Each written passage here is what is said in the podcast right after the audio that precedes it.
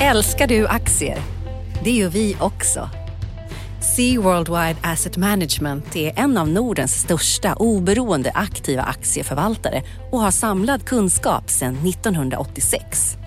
Ta del av vår kunskap på seaworldwide.se. Bokstaven C, worldwide.se.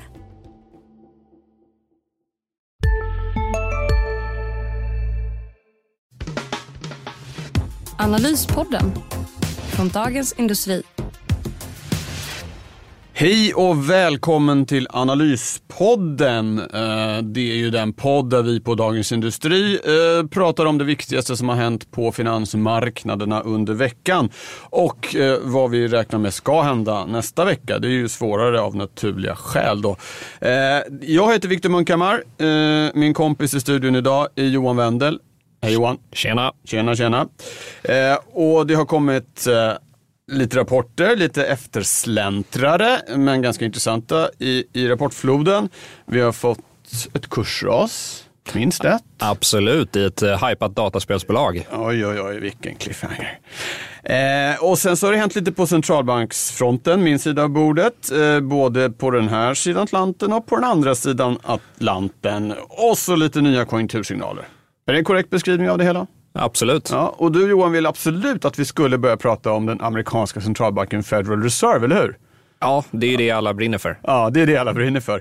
Och det är ju ganska mycket Federal Reserve som styr marknaden också, så det blir intressant. Då gör vi det. Absolut. Det var ju nämligen så att det kom ett räntebesked därifrån i onsdags kväll och som alla hade räknat med så sänkte Federal Reserve räntan till 1,75 eller intervallet 1,50 till 1,75 om man ska vara petnoga. Eh, men det mest spännande var ju faktiskt vad de hade att säga om framtiden och det här var ju en så kallad hökaktig sänkning. Eh, de eh, signalerar nämligen att nu är de i ett slags neutralläge, att nu eh, finns det liksom ingen slagsida åt, åt ändra hållet här. Eh, och det var lite intressant därför att tittar man på prissättningen så hade nog, eh, den är inte fullt så aggressiv som den var i augusti men eh, det är fortfarande väntat att det ska bli någon sänkning till från Fed. Men det var inte riktigt beskedet då som Jerome Powell, Fed-chefen, eh, hade, hade att komma med. Utan att det är öppet läge, eh, att det beror på vad som händer i ekonomin eh, och så vidare. Eh, eh, marknaderna trodde inte riktigt på det här. Nej. Eh, det, det, var de, det, det är fortfarande inprisat att det ska bli en sänkning till någon gång under, under eh, Eh, nästa år. När jag tittade senast på prissättningen på terminsmarknaden så är det till, till marsmötet slår det över att det är lite större sannolikhet för att de då ska ha sänkt räntan än att den ska ligga kvar. Men framåt sommaren där så verkar många ganska säkra. Det är ju långt fram i tiden men Eh, så att eh, det fortfarande verkar så att, att eh, de flesta marknadsaktörer räknar med att det ska komma i alla fall en sänkning till från, från Fed. Men var det inte så att han kallade den förra sänkningen för en eh, mid-cycle adjustment? Jo, men hela, allt det de har hållit på med, det här var ju tredje sänkningen i år, har de egentligen redan från början beskrivit som en, en kalibrering av räntan eller insurance cuts har det pratats om också. Att försäkra sig att den här e-, e-, ekonomiska expansionen som ju nu är Ja, den längsta så länge vi har haft någon slags hyfsat tillförlitliga data, i alla fall sedan mitten av 1800-talet, eh, längsta ekonomiska expansionen, ska fortsätta då. Eh, snarare än att de ser att nu är de inne i en eh, omfattande räntesänkningscykel. Och så kan det bli. Det kan, nu har de gjort tre sänkningar, säg att det blir en till nästa år. Eh, Eh, och så är det, är det nytt läge. Det vore det allra bästa att vi liksom inte hamnar i ett läge där de tycker att de behöver sänka räntan, räntan ytterligare. Men, men eh, det här blev ju ingen eh, större börsdramatik av det här, Nej, eller hur? Jättebra. Det tror jag Fed är väldigt nöjda med att det inte blev så mycket action. Det som hände var att räntorna sjönk lite grann. Eh, dollarn försvagades också lite, men det var inte något jätte jättestora rörelser. Det är så, ändå en ganska stark dollar också. Så, ja, det är, absolut. I utgångsläget en stark dollar. Och så vill man väl ha det som centralbank, att det inte ska vara några, några, några jättestora rörelser. Vi kan väl nämna också att det var två, två ledamöter som, som reserverade sig mot det här beslutet. Två så kallade hökar som ville ha kvar räntan då, inte sänka nu. Ja, spännande. Ja. Eh, och här i Europa har vi ju låga räntor sedan tidigare, eller hur? ja, jättelåga räntor. Det är minusräntor på flera håll. Inte i Norge då. De har faktiskt plus en och en halv. Ja, vill du att vi ska prata om Ragard nu och ECB? Jag försökte göra Du en snyggare. locka över det. Ja, jag fattade det förstår du. Ja, jag vill ändå dubbelkolla. Jo, men det är den andra stora centralbanksgrejen här i veckan. eh, Att eh, Mario Draghi eh, slutade efter åtta år som ECB-chef och Christine Lagarde började. Och när vi står här är det fredag 1 november och det är hennes första arbetsdag. Eh, och det ser inte så lätt ut. Vi fick ett litet statistikbatteri här från, från eurozonen som bekräftade det. Alla trodde att allt är lågt egentligen.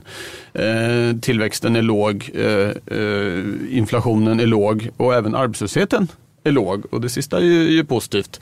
Eh, men eh, summan av hela det här är väl att arbetslösheten förmodligen har slutat sjunka. Tillväxten faktiskt någon tiondel bättre än väntat och det är ju positivt. Men så är det det här med den underliggande inflationen då, som ligger på 1,1 procent. Eh, och det är ju långt under vad ECB har tänkt. Och eh, en, i början här kommer det inte hända någonting. De lanserade ju ett, ett nytt paket i, i september. Det var ju Draghis eh, liksom, avskeds ja, present eller hur man ska uttrycka det. Så att eh, de får väl, kommer väl vänta och se hur, hur, hur det där landar innan det blir någonting. Men, men framåt nästa år, så, som det ser ut nu i alla fall, så kommer nog ECB behöva hitta på någonting ytterligare. Ja, spännande. Och samtidigt ska Riksbanken höja räntan. Eh, ja, just det. det, det, är ju, eh, det, det kommer vi, om vi redan nu då hoppar fram till, till nästa vecka så kommer det ett protokoll då från, från räntemötet som hölls för, i för, förra veckan, eller i förra veckan. Eh, där de ju tydligt signalerar att de ska höja räntan i december och det blir väldigt intressant att se. Eh, för om man tittar på alla indikatorer så pekar de ju inte alls i räntehöjningsriktning och ändå så hänvisade ju Stefan Ingves till att det är visst de traditionella skälen, resursutnyttjande, inflationsutsikter, konjunktur och så vidare som talar för att Riksbanken ska höja räntan. Och där kan vi väl nämna att senast Idag på morgonen då, innan vi gick in här så kom det en ny, ett nytt inköpschefsindex eh, som visade att det är deppigt i industrin. 46 var det, en bra bit under den här tänkta gränsen då vid 50 som ska vara, vara skiljelinjen mellan tillväxt och kontraktion. Så det blir intressant att se vad, hur Riksbanken, hur, hur de tänkte, för man får höra något, något mer om det. Det var ju en hel del frågetecken efter den där presskonferensen. De vill väl helt enkelt upp till noll. Bort från minus. Ja, det är det allting talar för, men de säger att det inte är det det handlar om. Så att, eh, vi, vi får, ja, som sagt, förhoppningsvis så begriper man lite mer hur, hur de har resonerat då efter, efter protokollet. Det är det här som är så härligt med det här, de här invecklade talepunkterna som man tar fram. När man verkligen säger saker rakt ut, då blir det väldigt kraftfullt i det här talepunktsamhället. Eh, det kan man ju nyttja då och då. Trump är ju ett exempel på det. Ja, ja. Eh, eh, har du några talepunkter du vill riva av här nu? Jag tänker att eh, många lyssnare är nog eh, nyfikna på lite börssnack kanske, eller? Ja, ja men absolut. Och det var ju en ganska händelserik vecka. Vi hade ju den här långa uppgångssvikten på, på Stockholmsbörsen som bröts tyvärr under veckan. Men eh, 14 dagar va? Ja. i och med måndagens uppgång. Ja. Och det var tangerat rekord. ja, 2017 var det en sån period också. om Micke Wilenius säger det så stämmer det. Ja, det brukar vara mitt motto. Ja, fint. Eh, Men, och vi har ju haft all time high på både i USA på S&P 500 och här i Stockholm, både på OMXSPI och eh, OMX30, då, storbolagsindexet. Men om man kikar då vilka rapporter som har kommit under veckan här. Hittills har det ju varit en överraskande stark rapportperiod skulle jag ändå säga om man tittar på de då konjunkturkänsliga bolagen, verkstadsindustrin och så vidare. Eh, Och vi fick ju lite mer storbolag under den här veckan och jag tänker vi kanske kan börja med SCA då. då. Vi eh, börjar i skogen så att säga. Och de gjorde en Holmen. De gjorde en Holmen och eh, värderade upp skogen då. Och då är det ju framförallt drivet av den här Bergvik-affären tidigare i år.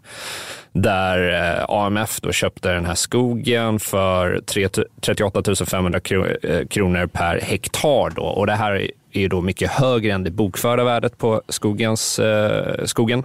Så att eh, SCA här meddelade att de skulle vad heter det, nästan dubbla, eh, dubbla värdet på det bokförda värdet i skogen som man har vid årsskiftet. Och Holmen som du säger, säger gjorde ju samma sak tidigare. Och det här drev ju på Eh, kursuppgången eh, för SCA här. De steg ju nästan 7 procent när de släppte sin rapport. Eh, och det där är intressant. Alltså, ni som har läst det mycket vet ju att till exempel en sån som Carnegies, Carnegie Sverigefond, Simon Blecker, det har ju varit ett av hans case att han har varit investerad i SCA och Holmen. Så här, att det, här, det finns massa dolda värden i, i bokföringen och så vidare. Och eh, det här är ju spännande. Det, det öppnar ju, det det kan, SCA kommer inte sälja den här skogen. Nej, Eh, precis. Det är det jag lite tänker, spelar det så stor roll? De ska ju ha den. Är det att det ökar möjligheten att belåna sig då? Exakt, när man får exakt. större tillgångar? Man får ju större tillgångar då så du får ju ner nettoskulden. Då är frågan, vågar liksom styrelsen leka med det här nu? Att så här, eh, mer utdelningar, återköp av aktier och så vidare. Men det är också så, när man väl har justerat upp den så här, då kanske man blir känslig för konjunktursvängningar. Om helt plötsligt, eh, alltså jag, jag tänker en sak som har drivit efterfrågan på skogen är de låga räntorna. Om vi skulle få ett annat, liksom, lite annat ränteläge, finns det lika stark efterfrågan på den här skogsmarken då? Eh, Ja, alltså har man väl börjat marknadsvärdera skogen, Ja. snarare än något fiktivt historiskt värde, Exakt. eh, Då, ja, då har man ju som du är inne på, då, marknaderna går ju upp och ner så att säga. Så att, eh, ja. Exakt, och det var, en det var en sak som faktiskt Mats Lundstedt var inne på när han skrev en kommentar till den här rapporten. Att är det här, gör det här att skogsbolagen blir ännu mer konjunktur, konjunkturkänsliga? Att det svänger ännu mer? Det kanske det gör, men eh, det ska ju sägas också att SCAs värdering på skogen, jag tror man landade ungefär på 33 000 kronor där. Det är en lite lägre värdering än Bergvik, det är en lägre värdering än det spannet som Holmen satt upp. Man hänvisar bland annat till att man har lite eh, mer mark in, eh, längre norrut, det växer lite sämre och sådär och därav den lägre värderingen. Men om man tittar rent operativt för SCA så går det ju eh, sämre än det gick förra året och det var ju vdn ganska tydlig med. Sen, sen säger man att eh, man, man ser en ganska stabil marknad framöver här, att det inte eh, kommer bli sämre. Men eh, att ja, det har gått så, sådär om vi kollar på eh, jämfört med fjolåret som var starkt. Ja, kursreaktionen var tjo och i alla fall. Ja, och eh, om vi tittar i år så är ju Holmen, den har ju gått som ett spjut. Det är ju helt otroligt hur den aktien har gått. Det är ju delvis också drivet av återköpsprogrammet, förutom den här skogsuppvärderingen. Så att, eh, ja, spännande, spännande i skogssektorn. Men eh, vi har ju andra rapporter. Vi hade Subi. Jag ska inte dröja allt för länge där, det läkemedelsbolaget då. Det är ju samma tema sedan tidigare, att det är massa konkurrens från schweiziska Roche där som har släppt Hemlibra. Det är en konkurrent till Subis Elocta. Eh, när Hemlibra gjorde intåg i USA-marknaden så var det ju, tog den ju eh, en jättestor kaka och eh, Roche har ju justerat upp sin helårsprognos här för 2019, bland annat på grund av succén med Hem, Hemlibra. Så att nu är ju alla jätteskraj här. Vad händer när Hemlibra liksom lanseras med full kraft i Europa? Hur påverkar det Elocta? Och det är liksom fick vi inte riktigt svar på i rapporten och alla är, eh, 2019 kommer ju bli ett bra år för Sobi. Man behöll sin prognos här i rapporten, men alla undrar vad som händer 2020, 2021. Vad, ska man, vad är Sobi för bolag? Är det tillväxtbolag? Är det, eh, eh sjunker vinsten? Eller, ja, det, det är osäkert där ute helt enkelt. Och kursen rasade. Och kursen rasade. Eh, Så att, eh, spännande, spännande tider framöver här i Sobi. Jag hoppas de kan komma med mer klarhet i Q4 där, om de kommer då med en helårsprognos för 2020 och eh, vad den indikerar att de själva tror. Men sen hade vi ju eh, ett annat konjunkturkänsligt bolag, Hexagon. Eh, som kom med en eh, organisk tillväxt på minus 3 i det här kvartalet. Och det är framförallt Kina som fortsätter gå dåligt. Det var ju därför de vinstvarnade i Q2. Och eh, det var minus 26% i organisk tillväxt i Kina i Q2. Nu är det minus 23 eh, i Q3. Då. Så att det går dåligt i Kina. Man hänvisar till en dålig elektronikbransch. Och eh, jag vet inte om vi tittar, vi fick in lite eh, sydkoreanska handelssiffror här på morgonkvisten ju. Och den visar ju att det föll mer än väntat. Jag tror det var ungefär 14 procent year on year. Och det är ju ganska elektroniktungt där med Samsung och så vidare. Ja, Sydkorea är ju intressant. Det brukar ju ja, ses som en sån här eh, Världshandels- ka- kanariefågel. Sån där som Sista dagarna nu på vårens stora season sale.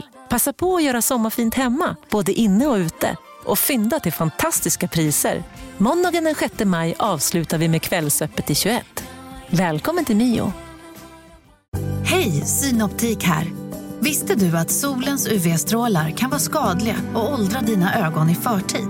Kom in till oss så hjälper vi dig att hitta rätt solglasögon som skyddar dina ögon. Välkommen till Synoptik hade i gruvorna förr i tiden för att kolla nivån av kolmonoxid. När de dog så var det dags att dra.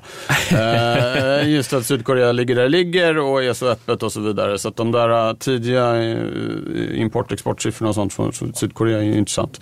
Eh, ja, just det. Men, men annat var lite bättre i Hexagon. i Ja, men de det räddades- Kina var väl lite, man räknade med att Ja, det skulle Kina vara hade man problem. räknat med att Ja. det skulle vara kast, men de hade en, en bra marginal. De räddades också lite av den här PPM-divisionen som bland annat riktar sig till olja och gassektorn.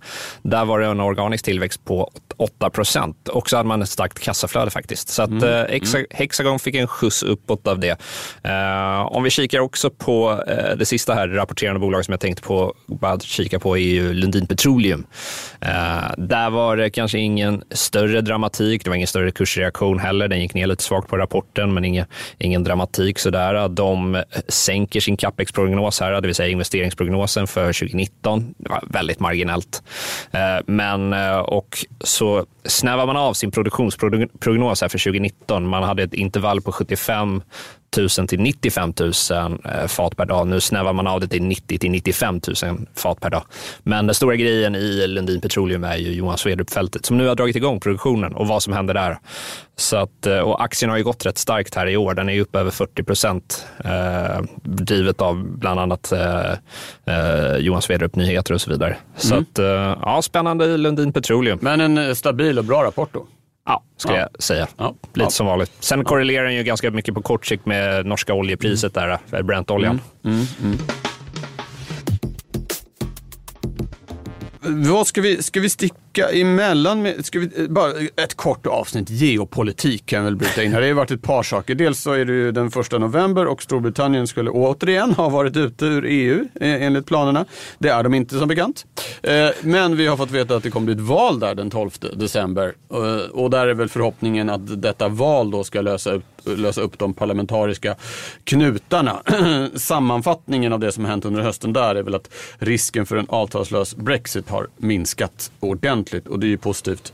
Eh, och sen har det varit lite mera vapenskrammel igen bland USA och Kina. Där har det varit vapenvila och de ska skriva under det här fas 1-avtalet som de inte kommer göra nu i, i Chile som det var tänkt därför att politiska oroligheter där gör att de har ställt in de två toppmöten de skulle ha hållit. Och sen så blev ju börsen lite skraj här i veckan när, när det kom uh, uppgifter om att Kina uh, ser det som omöjligt att lita på Donald Trump för några mera omfattande och långtgående handelsöverenskommelser. Uh, precis som vi har varit inne på tidigare i den här podden så är det väl så att man får räkna med att det eh, kommer vara spänt mellan de här två ekonomiska och även militära stormakterna under ganska lång tid och att det kommer på eh, kort sikt och eh, eh, gå lite upp och ner i relationen. Men det var i alla fall lite, lite, lite åt nerhållet då den här veckan efter en, en period här med betydligt positivare tongångar som ju också har varit rätt bidragande till den här ökade riskaptiten vi har sett på, på finansmarknaderna. Så, nu var jag klar med det, med geopolitiken för nu. du vill prata om ett av dina, jag ska inte säga favoritbolag, men ett av de bolag som du följer väldigt nära. Ja, men... Embracer. Ja, för detta THQ Nordic. Stämmer bra, stämmer ja, bra. Tack. Ja. Uh, nu är det bäst att du pratar istället. det var ungefär så jag mycket jag kunde om det. Nej, men det är ju superspännande. Det var, var ju ett stort marknadsdrama här på torsdagen. Marknadsdrama, det gillar vi. Ja, mm. ja men det skulle jag definitivt säga. Ja. Det här är lite som Billions nästan, eh, ja. fick man känslan här. Ja, men eh, Embracer, då, gamla THQ Nordic, är ju noterat på First North-listan här i, på Stockholmsbörsen. Eh, och eh, aktien gick ner med 14,6 procent eh, igår då, på torsdagen. Och det är då en analys här av brittiska firman The Analyst. Och man har då initierat en bevakning av den här aktien och satt en riktig kurs på 30 kronor innan och med rekommendationen short, det vill säga blanka. Och innan den här rekommendationen så stod aktien över 70 kronor. Så det är en ganska ordentlig, ordentlig smäll som man tror att THQ ska eller Embracer då ska åka, åka på. Och vad man tror, är då, eller vad man pekar på som är lite så här orostecken i THQ, det är ju då att eh, man, man genererar helt enkelt ett dåligt fritt kassaflöde här. Man pekar på att eh, Embracer då sedan 2017 har genererat ett fritt kassaflöde före förvärv och avyttringar som är minus 228 miljoner kronor.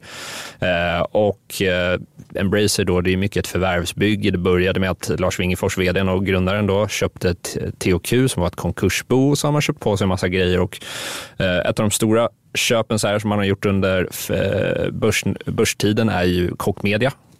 Eh, och eh, ja, Eh, The Analyst varnar bland annat för eh, massa red, redovisnings, eh, redovisningsfrågetecken här. Bland annat att man, att man då kapitaliserar mycket utvecklingskostnader, det vill säga att de läggs i balansräkningen här istället för att hamna i resultaträkningen.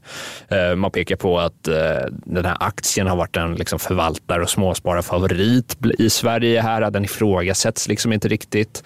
Man pekar på att varför är den noterad på First North? Det är ju den, det är mycket större. Det, det skulle utan problem kunna vara ett bolag som är noterat här eh, på huvudlistan. Och antyder du att de är det för att komma under... Ja, äh, lägre krav och så vidare. Ja, och, och, mindre strålkastarljus. Och, ja. och, det är en svag styrelse och, och, och, sånt här. Så att, eh, det där har ju då satt avtryck i aktien rejält. Som sagt ner 14,6 procent på torsdagen och var ner nästan 3 procent idag på fredag när vi gick in i studion här eh, innan lunch. Och eh, Nyhetsbyrån Direkt hade ju fått ett kortare mejlsvar från Lasse Wingefors, då vdn eh, och största ägare i THQ, eller Embracer, då, där han svarade på eh, lite allmänt på de här eh, farhågorna som The Analyst reser i sin analys. Han pekar bland annat på att ja, men vi, vi har ett dåligt kassaflöde för att vi investerar mycket i vår pipeline, säger han. Vi har en stor spelportfölj där vi eh, investerar en massa och det är därför kassaflödet är dåligt. Och han tycker att de har varit tydliga med det och sådär. Men han hänvisar också till att de har en tyst period och att de rapporterar den 14 november. Och han sa att han ser fram emot att berätta mer då. Ja, okay.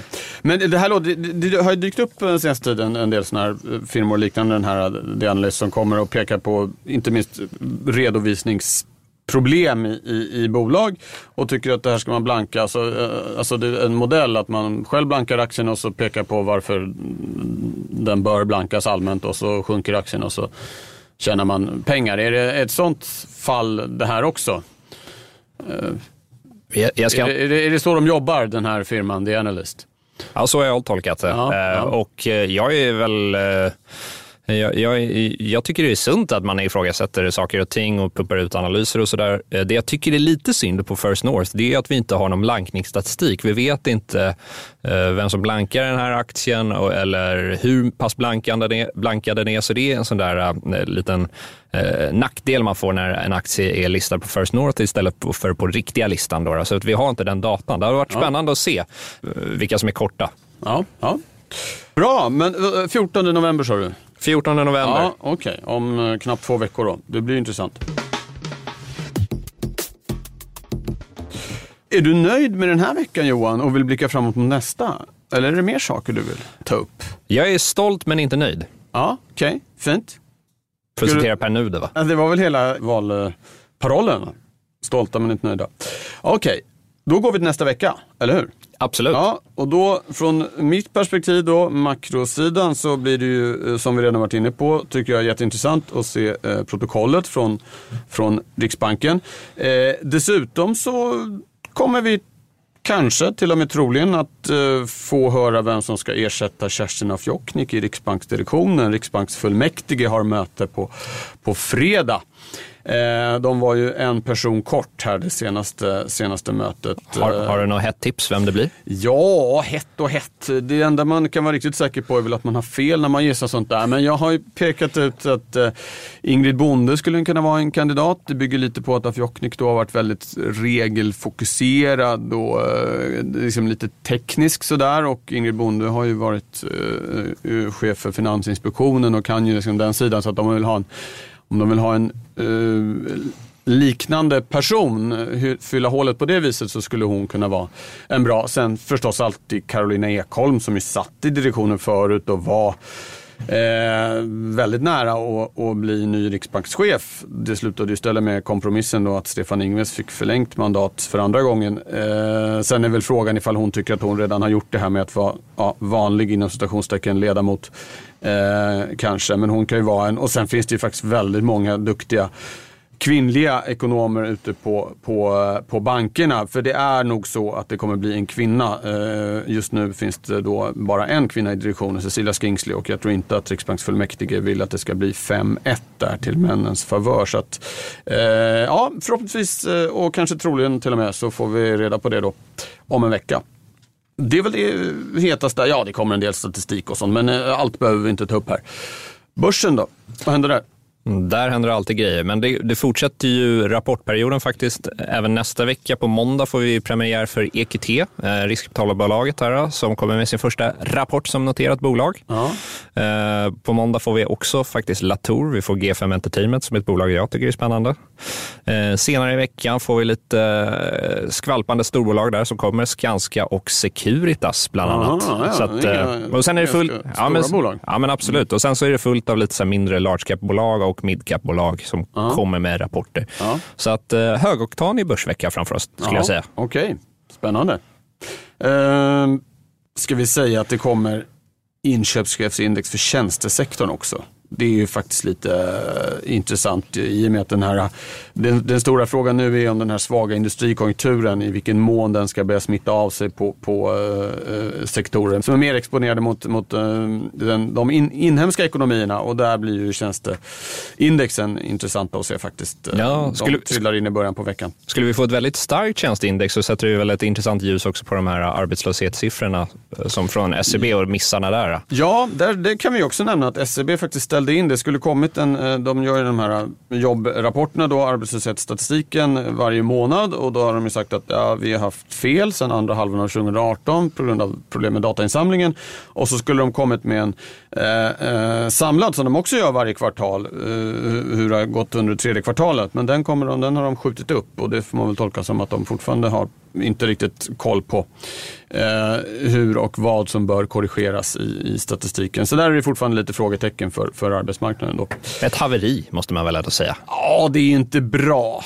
Eh, det är väldigt viktigt att hålla koll på den där statistiken. Det är viktigt för regeringen, det är viktigt för Riksbanken, det är viktigt för alla möjliga aktörer i ekonomin och att de då eh, inte har klarat av att leverera tillförlitliga siffror och också faktiskt tagit över ett år innan de har upptäckt att de har problem um, är ju um, olyckligt, va? brukar det heta i officiella sammanhang när någonting har gått åt skogen. Det är olyckligt kan vi säga. Ja. Uh, ska vi runda av? Absolut. Ja, då så. Då tackar vi alla som har lyssnat. Uh, vi kan tipsa om andra poddar. Jag tipsar om min egen podd då, Makrorådet. kommer en ny upplaga på onsdag nästa vecka. Och så finns förstås Digitalpodden, eh, Privata pengar och en hel del annat. Analyspodden är tillbaka om en vecka. Eh, till dess, ha en trevlig allhelgonahelg. Hej då! Hej då! Analyspodden från Dagens Industri. Programmet redigerades av Umami Produktion. Ansvarig utgivare Peter Fellman.